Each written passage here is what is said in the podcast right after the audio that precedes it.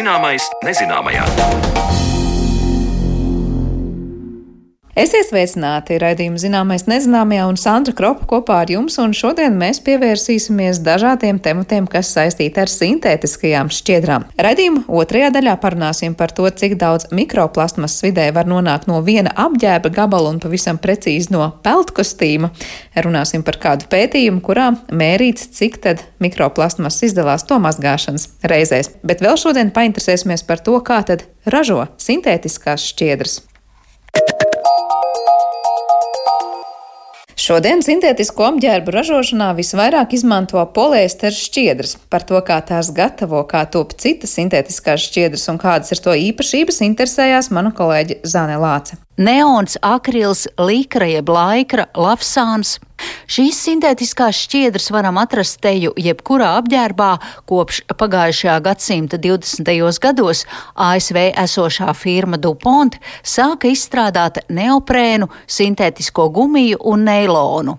Un tā pasaulē sākās sintētikas uzvaras gājiens. Bet pirms skatām sīkāk šo šķiedru ražošanu un īpašības, neliels skaidrojums, kas ir sintētiskās un kas mākslīgās šķiedras. Jo, kā teica mana sarunu biedrene, Rīgas Tehniskās Universitātes Dizaina tehnoloģija institūta profesore Ilze Baltiņa, tad cilvēki bieži šos terminus jauc. Mākslīgās šķiedras ir tās šķiedras, kas tiek iegūtas no dabā jau esošiem polimēriem. Tātad daba viņus ir radījusi. Tā pamatā ir celuloze un olbaltumvielas. Un šo šķiedru īpašības ir līdzīgas dabiskajām šķiedrām, bet tās nav dabiskās šķiedras. Sintētiskās šķiedras savukārt ir tātad izēja materiāli, ir naftas pārstrādes produkti, akmeņogles, gāze. Tur jau cilvēks šos organiskos polimērus sintēzējis pats un pielāgojas savām vajadzībām. Tātad dažādojas. Sintētisko šķiedru īpašības ir pilnīgi atšķirīgas no mākslīgo šķiedru īpašībām sintētiskās šķiedras, jeb filamenti, jau gatavošanas procesā iegūst noteiktas īpašības. Un Ilze Baltiņa, ņemot palīgā līdzību ar leikannas snīpi, skaidro šo minēto šķiedru veidus sintētiskās šķiedras jau ražošanas procesā ļoti spēcīgi var modificēt. Pirmais eh, tas eh, process, modificējot, ir tad, kad viņas iegūst šo polimēru kausējumu, pamatā kausējumu, varbūt arī šķīdumu, bet sintētisko šķiedra gadījumā tas ir kausējums. Viņš tiek spiests cauri filieras atverēji. Es studentiem bieži saku, ka tā ir tā kā leikānas galviņa, kur ir atverītas, ar kurām strūklas tek ārā un šīs strūklas tiek sacietinātas un pārvērstas filamentos. Tālāk jau Atkarībā no tā, kāda ir šī atverīta. Nu, Leikānā mums šī atverīta ir apaļa, ovāla. Filierā viņa var būt trīs stūra veida, sēnītes veida, lentveida, robota, ja, un līdz ar to mēs varam iegūt dažādus šķērsgriezumu laukumus. Līdz ar to mainās gan lietas īpašības, gan stingrība, mainās gaismas atstarojošās īpašības. Tātad vesela virkne no šīm īpašībām ir atkarīgas. Tālāk jau jautājums, kā kā mēs šīs šķiedras izmantojam. Vai mēs viņas izmantojam filamentārā veidā, tātad tā kā viņas ir iegūtas gāras, nepārtrauktas un kopā sakopotas pavadienā, tad tās būs vienas īpašības. Visticamāk, filaments pie filamenta diezgan spēcīgi piegulēs, it sevišķi, ja šķērsbiezuma forma būs tā tradicionālā apaļā vai ovālā forma, un līdz ar to šādiem izstrādājumiem mazāk ies cauri gaiss, viņi maz uzsūks ūdeni, ūdens tvaikus, sviedrus, Tātad tāpēc tālākajā pārstrādes procesā šobrīd ļoti lielu daļu no šiem multifilamentāriem pavadieniem teksturē. Teksturē tas nozīmē, ka filamentus kuplina, viņus padara izvītākus, lai viņi nepieguļ viens pie otra. Līdz ar to atbrīvojās filamentu virsma, un e, starp šiem filamentiem var iespiesties gaiss iekšā. Tad tādā veidā padarās gaisa caurlaidīgāki materiāli. Tādā veidā arī materiāli vairāk uzsūc mitrumu. Tālāk jau var būt, kad e, pavadieni tiek veidoti no tā saucamajām štāpeļšķiedrām. Štāpeļšķiedras tās ir šķiedras, kuras ir ierobežota garuma, kad jau šie filamenti ir sacirsti noteiktā garumā un varbūt tās no viņiem vieniem pašiem vai kopā ar kādām citām šķiedrām tiek veidota dzīja. Nu, tur atkal ir atšķirīgas īpašības šādiem te tekstilu materiāliem, kas būs veidoti no dzīves. Viņi būs daudz mīkstāki, viņi arī vairāk uzsūks mitrumu, viņi gan būs nestiprāki, bet šos izstrādājumi būs labākas siltuma aizsardzības īpašības, jo tur būs iekšā vairāk gaisu poru, vairāk nekustīgs gaiss. Tad šos izstrādājumus no dzīves varbūt tās varēs arī uzkārst, ja dabūt šo šķiedru galiņu sārā un patīkamo plūksnu kārtu uz virsmas. Tātad katram ir ļoti, ļoti atšķirīgas īpašības. Tālāk jau kādu drānu mēs veidosim no šiem te pavadieniem. Vai mēs audīsim, vai mēs adīsim, vai mums būs neausta drāna. Ļoti bieži cilvēki sadzīvē saka, ka tie visi ir audumi, nu nav tie audumi. Audumu nevienu mēs neādām, un nav arī neausto audumu. Ja? Ir neausta drāna, ja? tātad kur šķiedras un pavadieni ir sasaistīti kādā citā veidā, nevis aužot vai adot. Tas ir vai nu mehāniski sasaistot, teiksim, tādā klasiskā lekcijā sakām, ka, piemēram, sādatoti, savelti vai salīmēti vai eh, sakausēti Skatot uz apģērbu, mēs redzam, ka sintētiskās šķiedras tiek maisītas kopā ar dabiskajām, un, kā skaidro profesore, tad dabiskās šķiedras dod apģērbam higiēniskās īpašības, savukārt sintētiskās šķiedras piešķir labāku izturību. Reti kuram apģērbam būs rakstīts, ka tajā ir 100% poliamīdi vai 100% poliestera. Sintētiskās šķiedras tiek jauktas kopā, jo katrai tā teikt ir savs pienesums drēbēm. Vispopulārākās šodien pasaulē ir poliestera šķiedras, ja runājam par sintētisko apģērbu. Tā ir šķiedra, kas tiek formēta no polietilēna, teraftalāta un tā skaitā arī no otrais pārstrādājamām petpudelēm. Tas nenozīmē, ka šis poliesters ir būtiski sliktāks. Tas ir jautājums, kāda tā tad ir bijusi šo te petpudeļu sadale, sašķirošana un cik viņš ir viendabīgs, cik stabils varbūt tās ir. Jo tālāk jau no petpudelēm iegūtās granulas, kas ir, tiek kausētas un no jauna tiek veidoti multifilamentārie pavadieni, Sakiet, vai jūs varat pastāstīt, kas tās ir par šķiedrām un drānām, kuras ražo aizsardzībai pret lietu? Ja mēs runājam par lietus aizsargājumu, tad ļoti lielā mērā to nosaka gan šķiedru sastāvs, gan drānas blīvums, gan izstrādes veids, vai tā ir austa adīta. Nu, par šī gadījumā parasti par neaustajām nerunā un nelietoja, vismaz lietus aizsarga apģērbam. Tad to nosaka ļoti lielā mērā biezums un pats galvenais beigās, kāda ir apstrāde. Mēs ķīmiski varam apstrādāt ar dažādām ūdeni atgrūdošām vielām, un šī pilīte līdz ar to neizplūst par materiāla virsmu, bet notek zemē. Bieži tos lieto šo vārdiņu hidrofobizācija. Ūdens atgrūdošā tā tad ir šī hidrofobizācija. Tā mēs varam apstrādāt ar dažādu veidu apretēm, piedodot, teiksim, stingrību, neburzāmību, pretdegamību, ja, nu, un dažādas citas īpašības. Tā ir principā ķīmiskā apstrāde. Nu, vēl lietus aizsarga apģērbiem pielieto arī tā saucamās membrāndrānas, kur membrāna ir iestrādāta, un membrāna parasti ir ir tā saucamās porainās membrānas. Tur ir membrānā šīs poras ir tik niecīgas, ka ūdens pile cauri netiek, bet tvaiks tiek cauri, kas ir mazāks pēc saviem izmēriem. Un līdz ar to membrāna nodrošina šo ūdens necaurlaidību, vēja necaurlaidību, bet arī pašā laikā sviedru izvadīšanu no zemapģērba slāņa. Ir tātad porainās membrānas, ir arī dažādas firmas ražo bezporu membrānas un ir kombinētās membrānas. Un tā struktūra ir ļoti, ļoti dažāda. Un, ja mēs skatāmies uz eh, sportistu apģērbu, kuri ir gan cieši pieguļoši, un tajā pašā laikā elpojoši, kas ir šo apģērbu sastāvā?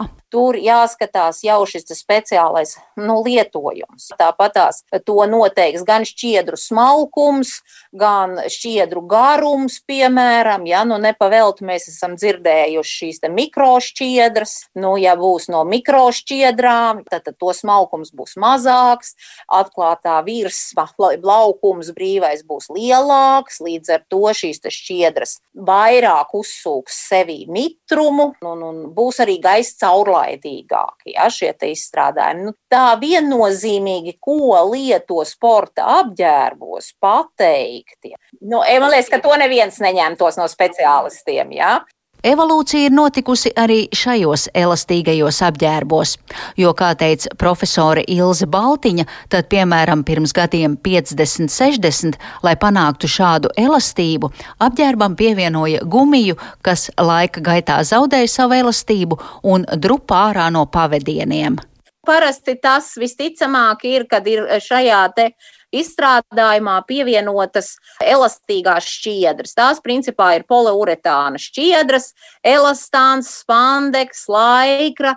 Tātad tas nodrošina, ka izstrādājums labi pagarināsies un tādā pašā laikā atgriezīsies iepriekšējā stāvoklī. Nodrošina formu noturību. Tātad eh, šīm šķiedrām, ko es minēju, šī pagarināšanās spēja ir līdz kaut kādiem septiņiem, pat astoņas reizes no sava garuma, un pēc šīs stiepšanas viņas atgriežas iepriekšējā stāvoklī. Tātad parasti šīs šķiedras, lai nodrošinātu labas savas elastīgās īpašības pievienot dažus procentus, bet tādos sporta tērpos, kā jūs minējāt, peldkostīmos vai, ehm, teiksim, sporta deju tērpos, kur šis tērps ir pilnīgi uz figūras. Šis elastīgo šķiedru sastāvs var sasniegt pat 40%. Nu, apģērbs principā nav tāds, kas būtu simtprocentīgi no šīm elastīgajām šķiedrām.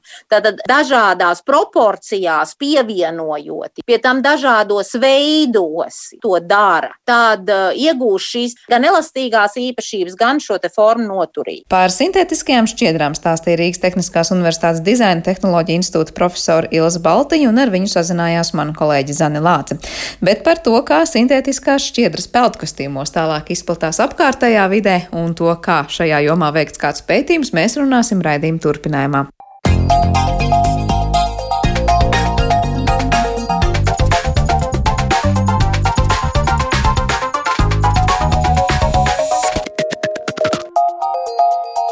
Zināmais nezināmajā. Cik daudz mikroplasmasas vidē nonāk no viena apģērba gabala? Versijas atšķiras, taču no arī Latvijā ir veikts pētījums par to, cik daudz mikroplasmasas šķiedras izdalās sintētiskā apģērba mazgāšanas laikā un vai šo procesu ietekmē tas, kā mēs veļu mazgājam. Par pētījuma rezultātiem un mikroplasmasu vidē tad nu, mēs runāsim raidījuma turpinājumā, jo uz sarunu mūsu attālinātajā studijā esam aicinājuši Latvijas Hidroekoloģijas institūta pētnieci Intu Dimantu Demantoviču un sociālā uzņēmuma mans peldkastīms līdzdibinātājiem Lauru Žukovsku Supi. Labdien! Labdien! Labdien. Sākšu varbūt pirms runājam par konkrētiem pētījumiem un to rezultātiem ar to, cik liela un nozīmīga daļa, ja mēs runājam par mikroplastmasu, vispār veidojas no apģērba un tekstilu izstrādājumiem. Inte, es zinu, ka tu esi pētījis mikroplasmas arī Latvijas ezeros un skatījusies tur dažādas tās izcelsmes ceļu. Nevienmēr tas nāk no, no tekstila, bet cik apzināti ir tā tekstila daļa? Jāsaka, gan pēc mūsu pētījumiem, gan pasaulē citu zinātnieku pētījumiem sanāk tā, ka patiesībā plastmasas šķiedras vidē viņu ir ļoti daudz, un liela daļa no tām pilnīgi noteikti nāk no ģērbiem. varētu teikt, vislielākā daļa šķiedru nāk no apģērbiem. Un to rāda arī mūsu dati no jūras ūdeņiem, kur šķiedras sastāv ļoti lielu būtisku daļu no visas konstatētās uh, mikroplasmasas. Tāpat arī šķiedras mēs esam uh, konstatējuši ezeru ūdeņos, gan ūdenī, gan arī nogulumos. Nu, tagad nu, pat mums ir šis pētījums, kas ļoti skaidri jau mums ļāva izdarīt secinājumus par to, cik daudz patiesībā izdalās šķiedru uh, mazgāšanas laikā, kad cilvēki mazgā sintētiskos apģērbus. Jā, Rūt, pirms es jautāšu arī Laurai par šo pētījumu un to piedalīšanos tajā. Tu pieminēji šos sintētiskos apģērbus, un, protams, mēs esam dzirdējuši daudz par to, kā tie tiek veidoti pārstrādājot dažādus arī materiālus. Un, un tomēr cilvēkiem vienmēr liekas, kāpēc runājot par tekstilu, mēs runājam par plastmasu. Vai tu vari iezīmēt, kas ir tas sastāvs, kas tur izdalās no tiem tekstilu izstrādājumiem? Liela daļa, mūsdienās būtiska liela daļa ir nevis dabiskā materiāla um, auduma izstrādājumi, kas būtu piemēram zīts, vilna, kokvilna, bet tie ir sintētiskie materiāli vai arī tie ir jaukti materiāli, kur dabiskā šķiedra ir kopā pār mākslīgo šķiedru. Un patiesībā šie mākslīgās materiāla apģērbi pat ir vairāk, vairāk nekā pusi. Ja mēs paskatāmies veikalos, kas ir sastāvā apģērbam, tad ļoti bieži ir šis sintētiskais materiāls. Un uh, materiāli ir dažādi. Um, populārie, populārākie pilnīgi noteikti ir, ir poliesteris, uh, neilons, bet uh, šie materiāli tiešām ir ļoti, ļoti daudzveidīgi, ļoti dažādi, kurus uh, piedāvā apģērba ražošanas industrija. Tā kā skatoties uz tiem nogulumiem, vai tas nāk no kaut kādas sadalījušās pēc pudeles vai polietilēna maisiņa vai, nezinu, poliestera auduma, būs atšķirība tas, ko pētnieks tur īsti ieraudzīs tajās mikrodaļiņās? Visdrīzāk, jā, tas nāk no auduma, tas būs tieši šķiedrs kurām ir viņa nu, specifiskā šķiedra forma, viņas ir daudz izteiktāk garas nekā šauras. Savukārt no dažādiem maisiņiem, pudelēm un tam līdzīgiem plasmas priekšmetiem tie būs vairāk fragmenti. Fragmenti vai, vai vairāk sfēriskas daļiņas šķiedra būs mazāk šajā gadījumā. Jā, bet uh, vidēji kaitīgums tik un tā no tā, vai tā ir šķiedra vai tā ir daļiņa, ir gana liels, un par to mēs arī parunāsim. Bet tagad arī Laurai došu vārdu. Es saprotu, ka ir bijis tāds pētījums, kurā, var teikt, jūs abi jomas sastapās, jo jūs īpaši skatījāties Latvijā, kas notiek ar peltu kostīmiem tieši kādas šķiedras no tiem izdalās. Jā, nu mēs esam ļoti priecīgi, ka mūsu uzņēmums ir aizsācis šādu pētījumu jomu Latvijā, jo šis ir pirmais kāda apģērbu grupas pētījums uz mikroplasmas, un mēs esam pārliecināti, ka noteikti šis nebūs pēdējais. Bet mēs sākām tieši ar savu produkciju, kas ir mūsu peltkostīmi Jo mēs no peltkostīmiem ikdienā sagaidām ļoti daudz kvalitatīvas īpašības, ka viņi ir elastīgi, ka viņi ir funkcionāli, viņi neizbalē saulē, viņi iztur chlorētu ūdeni, sālsūdeni un tā tālāk. Un šādas īpašības primāri piemīt sintētiskajam audumam. Un tāpēc mēs arī peltkostīmus ikdienā veikalos redzam absolūti lielāko daļu, viņi ir šūti no sintētiskiem audumiem. Un tas, ko cilvēki nerad aizmirst, ka sintētisks audums savā būtībā ir gandrīz tas pats, kas plasmas iepakojums, jo viņš ir radīts no naftas. Tātad tas arī ir naftas produkts. Tas nozīmē, ka tad, kad mēs lietojam jebkuru sintētisku apģērbu, tā skaitā arī peltkostīmu, piemēram, to mazgājot, no viņa noteikti atdalīsies mikroplastmasa. Un mēs gribējām uh, uzzināt, cik daudz šī mikroplasmasa izdalās uh, un vai pastāv kaut kādas iespējas mazināt šo negatīvo ietekmi uz vidi. Jo mēs esam sociālais uzņēmums, kas strādā vidas jomā, un mēs izmantojam tādu ļoti īpašu, dabai jau draudzīgāku audumu, bet vienalga tas tāpat ir sintētisks audums, un mēs apzināmies, ka tā problemātika ar mikroplasmasu pastāv. Un mēs gribējām iet jau soli tālāk, un tāpēc mēs lūdzām Latvijas Hidroekoloģijas institūta atbalstu, un, lai noskaidrotu, nu, cik liels ir tas piesārņojums un vai mēs varam kaut ko darīt lietas labā. Kādi ir tie rezultāti, ko jūs sapratāt, Inta? Pirmkārt, mēs sapratām, ka mikroplasmas pilnīgi noteikti izdalās šādā veidā. Mēs konstatējām mikroplasmas šķiedras gana lielā daudzumā pēc katras mazgāšanas reizes, jo tika radīti peltkostīma prototipi, ko mēs saņēmām no uzņēmuma, kurus mēs testējām vairāk kārtīgi mazgājot. gan izmantojot veļas mazgāšanas līdzekli, gan bez veļas mazgāšanas līdzekļa, lai saprastu, vai tam ir kaut kāda ietekme. Kā arī mēs testējām vienu tādu inovatīvu produktu, ko piedāvā cits ražotājs citā Eiropas valstī, kas ir mikroplasmas aiztrošais maisiņš, kurā ievieto apģērbu, lai pārbaudītu, vai tiešām tam ir kaitītais efekts, vai tas spēj kaut kādā mērā šo vidas jautājumu risināt. Un, jā, mēs secinājām, ka izdalās mikroplasmas, izdalās tiešām diezgan daudz šķiedru pat no viena peldkostīma.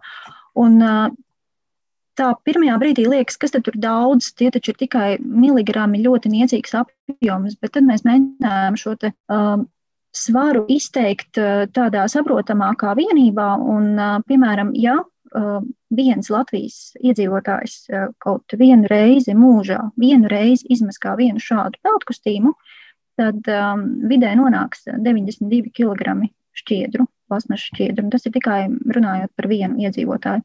Savukārt, ja to izdarīs kaut vienu reizi viens pasaules iedzīvotājs, tad jau mēs runājam par uh, vairāk nekā 370 tonnām plasmas šķiedru. Un uh, šīs šķiedras, viņas visas kaut kur paliek. Viņas turpina savu ceļu cauri um, šiem notekūdeņiem no veļas mazgājumām mašīnām. Kaut kāda daļa pilnīgi noteikti tiek aizturēta attīrīšanas iekārtās, bet kaut kāda daļa tiek tomēr viņām cauri. Un turpina savu ceļu tālāk jau lielākos ūdeņos, okeānos un pētījumos ir secināts, ka mm, liela daļa šāda piesārņojuma, pateicoties okeāna straumēm, tā ir tendence koncentrēties tieši polu reģionos. Un tas rada tādu neizpratni, jo liekas, nu, kurš tad sēž abos polos un mazgā veļu citīgi, bet patiesībā tam e, piesārņojuma efektam, piesārņojumam nav jābūt lokāls izcelsmes. Viņš aizceļos tur, kur viņš aizceļo pateicoties citiem ietekmējošiem faktoriem. Jā, paldies, Laurai. Varbūt ir kas piebilstams pie tā, kas bija pārsteidzoši tajos rezultātos. Tātad viens no šiem uh, interesantiem secinājumiem bija tas, ka visvairāk mikroplasmas izdalās tieši pirmajā mazgāšanas reizē. Un tur tas nozīmē, ka 56% institūtā secināja, ka izdalās tieši šajā pirmajā mazgāšanas reizē. Un kaut kādā ziņā tā ir laba ziņa, labs secinājums, jo tas nozīmē, ka mēs kā ražotājs varam novērst šo problēmu, un par to mēs varam varbūt vēlāk parunāt, kas ir tie soļi, ko mēs darīsim pēc šī pētījuma noslēgšanās. Otrs tāds ļoti interesants secinājums, kas bija negaidīts, ka, piemēram, knaģu lietošana, lai piestiprinātu peldkostīmu, arī ietekmē šķiedru izdalīšanos, un ka varbūt lietojot peldkostīmus ne tikai mūsu, bet arī citu ražotāju vēlams knaģus varbūt neizmantot. Un tāpat, protams, šie vairākie secinājumi par pašu šo maisiņu, kuru mēs gribējām notestēt, un tur varbūt Inte varēs mani papildināt. Kopumā tas secinājums ir, ka tas maisiņš nu, nav gluži tā, ka viņš ir bezjēdzīgs. Tam ir kaut kāda vieta un, un veids, kā to var izmantot. Tomēr tas nav gluži nu, risinājums pilnīgi visām situācijām attiecībā uz mikroplasmas, un tur varbūt Inte var mani papildināt. Jā, paldies. Inta, varbūt es jums arī pastāstīšu, kā, kā tas maisiņš tiek izmantots. Tas ir tieši viena peltkostīma ieliek, un kamēr mazgā vai, vai tur vairākas drēbes kopā.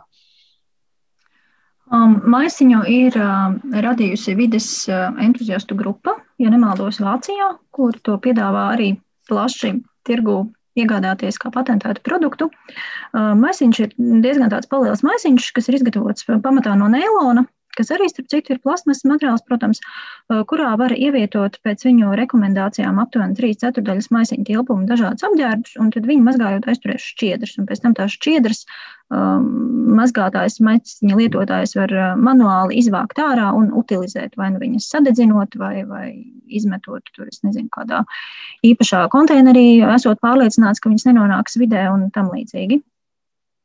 Um, ar maisiņu ir tā, ka Jā, tas var aizturēt šķiedras, bet noteikti ne visas. Šķiedras joprojām izdalīsies. Tas var aizturēt kādu daļu šķiedru, un tam vislielākais efekts būs tieši veicot šo pirmo mazgāšanu, pirmreizējo mazgāšanu.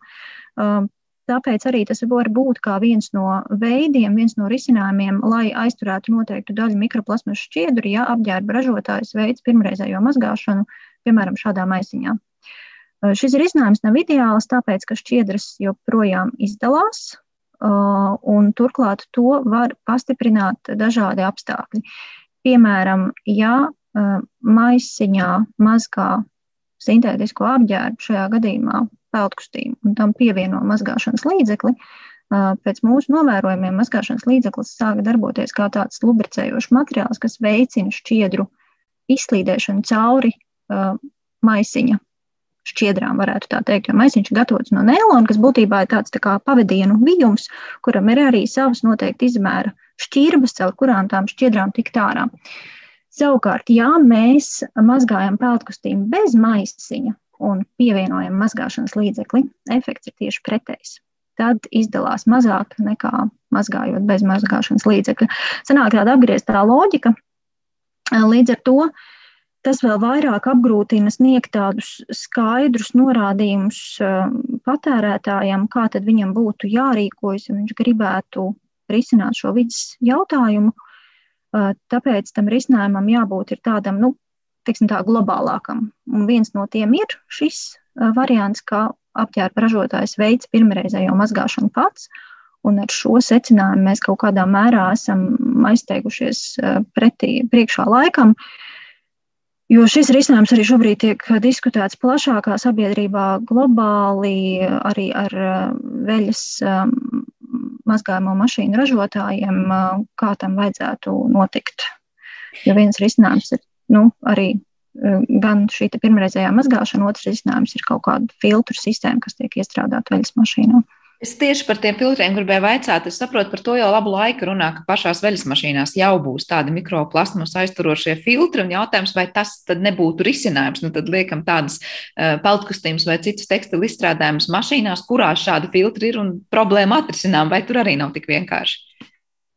Tas nav tik vienkārši, jo jārēķinās, ka vienā mazgāšanas reizē uh, var izdalīties uh, tūkstošiem šķiedru Un, jo šajā gadījumā mēs mazgājām tikai vienu peldkustīmu, kas vidēji svēra zem 200 gramiem. Bet, tad, kad cilvēks standartā ieliek pilnu veļas mašīnu ar apģērbu, tad šis apjoms ir daudz, daudz uh, lielāks. Un um, filtri, kas līdz šim ir tikuši izmantoti kā testa filtri, parāda, ka viņus var nu, teikt, aizsist, aizdambēt ciet ļoti īsā laikā kā mums demonstrēja elektroluks pārstāvis vienā starptautiskā webinārā. Pat jau pēc astoņām reizēm šis filtrs var būt jau ļoti netīrs. Un jāņem vērā, ka tās ir ne tikai šķiedras no apģērba, bet tas ir arī, piemēram, cik tīrs ir ūdens. Mēs arī varējām novērot, ka tajā brīdī, kad sākas izteikt spēcīgas lietavas, ūdens, kas nāk iekšā veļas mašīnā, ir daudz netīrāks un arī uh, dod savu pienesumu visā šajā pasākumā. Parādās dažādas smilšu, zemes daļiņas, gabaliņi, kas arī paliks filtrā. Jo šim risinājumam jābūt tādam, lai tas neatbaidītu lietotāju. Cilvēks var būt ļoti orientēts uz vidas audzēšanu, bet, ja viņam būs ik pēc dažām mazgāšanas reizēm jāmaina, jātīra, jāmazgā filtrs, nu, ir ļoti salīdzinoši maz sabiedrības daļa, kas būs ar mieru to darīt. Tāpat tās arī ir, piemēram, dažādi tādi risinājumi piedāvāti, ka tās varētu būt kaut kādas kolektīvās mazgāšanas vietas, kur cilvēks dodas, um, viņam vispār nav mājās veļas mašīna, viņš dodas uz šādu industriālu um, veļas mašīnas vietu un tur mazgā savu apģērbu, bet um, zinot, kāda ir realitāte, es domāju, ka arī tas nav tāds um, risinājums, ko plaši varētu ieviest. Jā, es nevaru tagad iedomāties, eh, motivēt cilvēkus nevis vienkārši šeit pēc savā mājā piespiest podziņu un izmazgāt visu, kas jāmazgā, bet gan doties ar kaut kādiem maisiem vai, vai groziem uz kaut kurienu un vēl mazgāt attālināt. Eh, bet jautājums vēl par to mm, mikroplasmas aiztarošo maisiņu. Tu teici, tas ir no neilona. Kā tas sanāk idejiski pats maisiņš no sevis neizdala tās šķiedras katrā mazgāšanas reizē? Pats maisiņš pilnīgi noteikti izdala no sevis šķiedras katrā mazgāšanas reizē, un tas mums arī radīja tādu nedaudz sajukumu datu analīzē, jo, ja peltkustības pats sver nedaudz zem 200 gramiem vidēji, tad maisiņš sver aptuveni uz pusi mazāk. Un tā kā arī peldkustīm materiāls, jo šie peldkustīm, viņi tātad, es gribēju arī uzsvērt visu to brīnišķīgo ziņu visā šajā stāstā, ka patiesībā peldkustīms ir tāds ļoti tieši aprits ekonomikas piemērs, jo viņš ir ražots no otrreizēji pārstrādātiem materiāliem. kas ir zvejas tīkli un pētpudeles, manuprāt, ja, kas tur Laura var precizēt. Vienmēr sakot, viņš sastāv no diviem slāņiem, no kuriem viens ir 82% poliamīds un otrs ir 78% poliesters. Un, un viņi ir ļoti līdzīgi maisiņu materiālam. Līdz ar to mums nebija īsti iespējas arī pēc krāsas, starp citu, jo iekšējais materiāls ir balts un maisiņš ir balts, mums nebija iespējas viņus atšķirt. Bet mēs mērījām, cik daudz pēc svara maisiņš ir zaudējis pēc mazgāšanas cikliem. Un sanāk tā, ka maisiņš ir vairāk zaudējis šķiedru nekā aizturējis pēc 11 peltkustīm mazgāšanas reizēm. Līdz ar to šis risinājums nav ideāls, ar viņu var kaut kādā mērā kaut ko risināt, viņu ilgi izmantojot, bet tas pilnīgi noteikti nebūs tas, kas glābs tagad um, pasauli un, un vidi no šīs problēmas. Man klausoties, pirms es dodu vārdu Laurai, tevī gribējās teikt, ka jūs no vienas puses pierādījāt vēl vienu lietu, proti, ka šie mikroplasmas aizturošie maisiņi, kas citās valstīs radīti un tiek piedāvāti varbūt kā patentējumi risinājumi, nu, patiesībā nosacīti dara vispār labu darbu. Jo, ja katrā mazgāšanas reizē maisiņš pats no sevis tāpat kaut ko izdalīs, nu tad jautājums, cik garš tik plats laikam, vai ne? Tas velk uz to, ka tas varētu būt cik garš, tik plats. Jāatcerās gan arī tas, ka mēs eh, veicām ļoti specifisku testēšanu vienam konkrētam produktam noteiktos apstākļos. Mēs neesam patiesībā viņu testējuši uh, tuvinātiem apstākļiem uh, mājasaimniecībā, ka tiešām maisiņš tiek uh, piepildīts pēc tā, kā to rekomendē ražotājs. Un ka apģērbs, piemēram, tiek mazgāts jau 50. reizi, un maisiņš pats tiek mazgāts 50. reizi. Jāsaka, gan, gan tīri subjektīvi pēc personīgiem novērojumiem, jo arī man ir šāds maisiņš, kurus iegādājos pirms vairākiem gadiem. Um, tagad, zinot to, cik daudz izdalās šķiedru un zinot to, cik daudz no šī maisiņa izņem ārā, uh, jā, jāatzīst, ka tāda subjektīva novērojuma liek secināt, ka liela daļa šķiedru tomēr iet cauri. Mm -hmm. Laura, man jautājums Tinta mazliet piesauca jau to, no kā sastāv peltkostīme, un ir šie divi slāņi, un tur ir pārstrādātās pētpudeles un zvejas rīki. Vai mm, pirmkārt ir komentējums tas, no kā sastāv mūsu katra peltkostīmes, kas ir mājās, un tad jau šobrīd materiāli, no kā tie tiek ražoti, kādi ir. Un otrs, vai, vai industrija domā par to, kā kaut ko aizstāt šajos materiālos, lai tie saglabātu joprojām tās vajadzīgās īpašības un tajā pašā laikā varbūt neizdalīt tik daudz kaitīgo? Jā, es varu nokomentēt, kas ir tā aktuālā situācija un, un ko arī mēs esam izvēlējušies. Protams, ka apģērbu industrija soli pa solim iet kaut kādā aprites ekonomikas un ilgspējas virzienā. Protams, tas notiek ārkārtīgi lēni, jo jebkuras šīs jaunās pieejas un tehnoloģijas, nu, protams, prasa lielas investīcijas. Un tāpēc tādu ražotāju, kas piedāvātu plašu piedāvājumu, nu, nav ļoti daudz. Tie ir patiesībā uz vienas, divām rokas pirkstiem saskaitāmi uzņēmumi, kas, kas piedāvā kaut kādas jēdzīgākas prakses nekā tas ir bijis līdz šim. Tad, tas, no kā sastāv tāds ikdienas parastais peltkostīms, ja tā es varu to nosaukt, tad tas visdrīzāk ir poliesters vai poliamīds kopā ar elastānu. Uh, un šis salikums nozīmē, ka mums tas izstrādājums ir gan uh, funkcionāls, gan estētisks. Mēs viņā varam kustēties, peldēties, sauļoties, darboties. Uh, bet tātad gan poliesters, gan poliamīds, gan arī elastāns, tie ir tātad naftas produkti. Um, un tas nozīmē, ka sintētisks audums normālā kārtā nāk no naftas vai dabas gāzes iegūves procesa. Tas, ko mēs izmantojam, nu, ņemot vērā, ka mēs arī esam sociālais uzņēmums, kas strādā tieši vidas jomā, mums bija skaidrs, ka mēs neiesim šo tradicionālo ceļu. Tad audums, kuru mēs iz, izmantojam, ir radīts atkārtot pārstrādājot vai nu pēc pudeles, vai vecos zvejas tīklus, tā saucamos spoku tīklus, kas peld jūrās un turpina ķert zivis un piesārņot mūsu dabu, vai, piemēram, veci sintētiski paklājumi, makšķerauklis un tā tālāk. Un tās mūsdienu tehnoloģijas ir gājušas soli uz priekšu, un, un ir pastāv iespēja ņemt šos plasmasas atkritumus, Viņus kausēt ļoti augstā temperatūrā, kas nu, novērš jau kādu piesārņojumu klātbūtni, un tad no šīs izkausētās masas vilkt pavadienu un no šī pavadiena iegūt jaunu audumu. Gluži tāpat kā tas būtu standarta sistēmā, vienkārši šeit mēs ņemam nu, to, kas nevienam nav vajadzīgs, to, kas ir atkritums, nevis pumpējam ar vienu jaunu naftu. Tas nozīmē, ka šis produkts jau paliek soli eh, dabai draudzīgāks, jo mēs paņemam jau šos atkritumus un izmantojam jaunu produktu radīšanai. Bet, eh, kā mēs jau runājām iepriekš, tas neatceļ šo mikroplasmas piesārņojumu, jo tas pamat, pamatbūtība jau šim audumam paliek jebkurā gadījumā. Un tāpat ir daudzas arī citas lietas, nu, ko pēc tam iesākt, tad, kad tas peldkustījums ir, piemēram, sevi nokalpojis, kas attiecās arī uz jebkuru citu uh, sintētisku apģērbu, kas, piemēram, jums ir skapī. Ja, ja tas apģērbs nonāk dabā, tad viņš pakāpeniski sadaloties arī radīs šo mikroplasmas. Tātad, ja jūsu apģērbs vienkārši tiek aprakts poligonā, tad šī vidas problemātika jau nu, nekur nepazūd. Un tāpēc mēs savā uzņēmumā visu laiku soli pa solītim meklējam atbildes un labākos risinājumus. Un tad vienkārši šajā brīdī mēs bijām pieķērušies šim mikroplasmas jautājumam, jo, jo skaidrs, ka tās drēbes ir jāmazgā un kaut, kas, kaut kā viņas tīras ir jādabū pēc lietošanas. Un tad būtu labi, ka mēs atrodam kaut kādu variantu, nu, kā to problemātiku risināt. Un tas maisiņš šķita nu, tāds ļoti ērts un funkcionāls piedāvājums.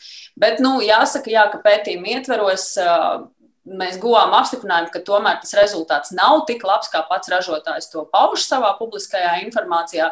Protams, no otras puses, tas secinājums bija arī, ka nedarīt neko ir viss sliktākais variants. Ka, ja mēs vienkārši liekam drēbes veļas mašīnā, un, un, un mazgājam viņus un nedaram neko, tas neapšaubām ir vissliktākais rezultāts. Tāpēc kaut kādi risinājumi ir jāmeklē. Uh, Tas, pie kā mēs esam nonākuši, ņemot vērā, ka visvairāk šķiedru izdalās tieši šai pirmajā reizē mazgājot, tad mēs plānojam šogad ieviest šo produktu mazgāšanas sistēmu savā uzņēmumā, un mēs uh, liksim kopā vairākas tehnoloģijas. Tā kā šis maisiņš nu, sevi pilnībā neattaisnoja, tad mēs plānojam uh, viņu uh, likt kopā ar tādu ārējo filtru, kas ir vēl viena tehnoloģija, ko piedāvā cita, cita organizācija no Nīderlandes ka tas ir jums, piemēram, mājās ir sava ikdienas veļas mašīna.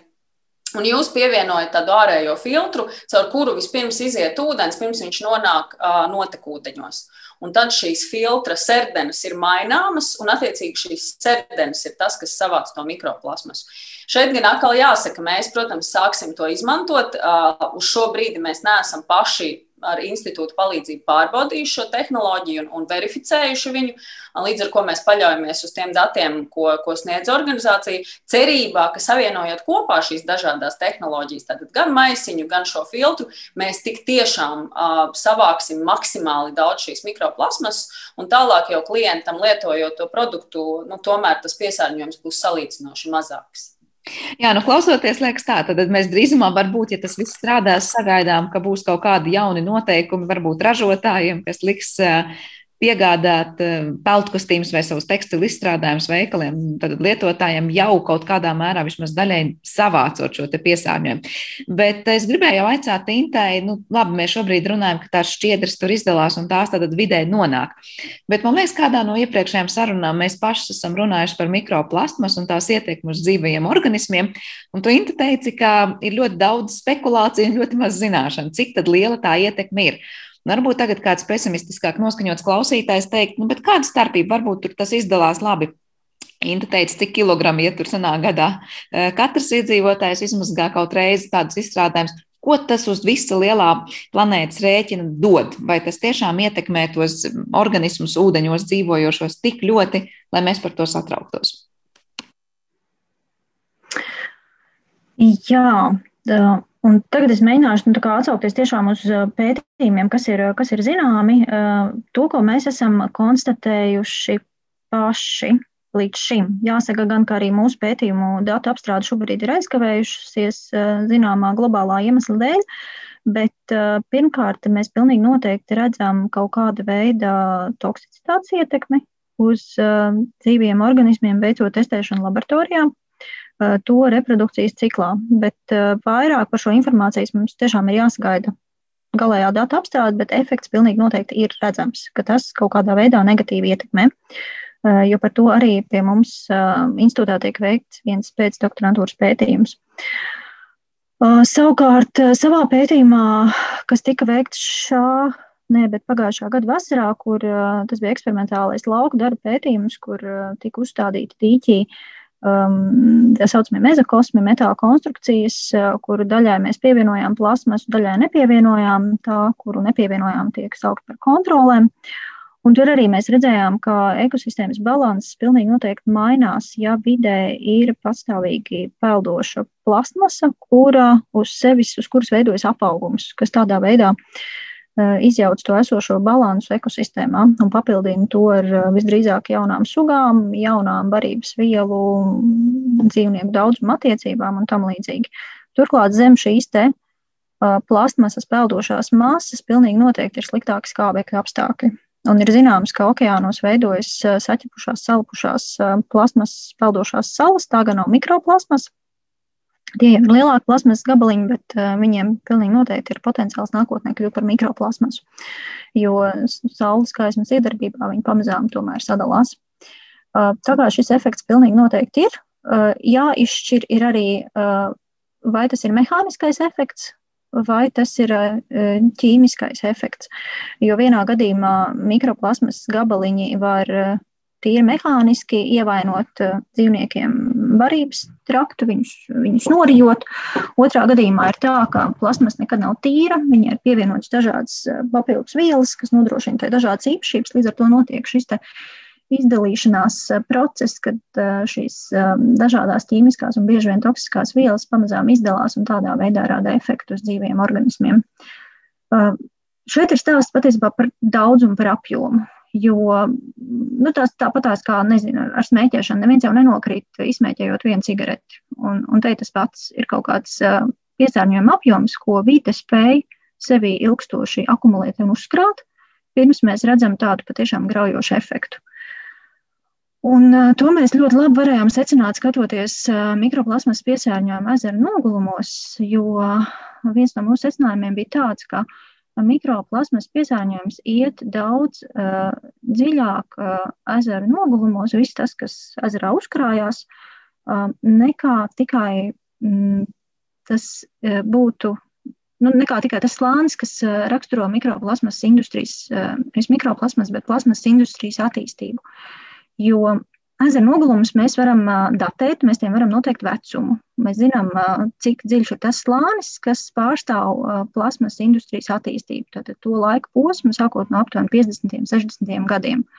Un izrādījās, ka mikroplasmas piesārņojums uh, nonāk tālāk, migrē vidē daudz dziļāk nekā ir šis noguluma vecums. Tas, man liekas, ka vecākie paraugi, ko mēs konstatējām ar mikroplasmas, ir 1900 sākums kaut kāds, kad plasmas pilnīgi noteikti nebija sākta ražot.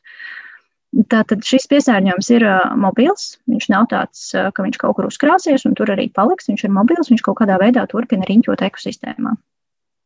Un te ir jautājums par to, cik daudz, kur ir tā kritiskā robeža, cik daudz mums ir jāsasniedz, jo plasmas apjoms saražotājs tikai palielinās, un viņai visur kaut kur ir jāpaliek. Jo pārstrādātā plasmasa joprojām ir salīdzinoši mazs procents pret to, kas tiek apglabāta vai kaut kā citādāk vidē nedraudzīgi izņemta no aprites cilvēka lietošanā un nonāk apritē vidē.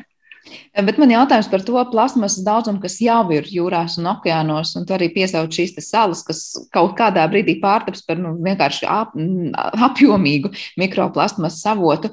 Vai tas, ko mēs šobrīd varam novērst ar jaunu, tur, piemēram, šķiedru vai citu mikroplasmasas daļiņu nonākšanu apkārtējā vidē, uz tā visa fona, kas jau ir tur, dos savu labumu. Mēs varam vēl paglābt, var teikt, planētu no tās kaut kādas katastrofālās ietekmes, ko tu teici. Nu, vienā brīdī tad mēs to redzēsim. Es domāju, ka pilnīgi noteikti, jo, um, ja mēs skatāmies uz to līkni, ar kādu uh, kāpumu pieaug saražotās plasmasas daudzums, un līdz ar to tas daudzums, kas nonāk ekosistēmā, ja mēs viņu kaut uh, nedaudz spējam uh, sākt noturēt lēzenāku vai samazināt, tam jau pilnīgi noteikti ir efekts, domājot nevis par šo paudzi, bet par nākamajām. Un te nu ir tas stāsts, ka mm, tas, ko visu laiku mēs runājam par risinājumiem, mēs runājam par ekodizainu, mēs runājam par aprites um, ekonomiku un tādām lietām, bet jautājums ir par cilvēku paradumu maiņu.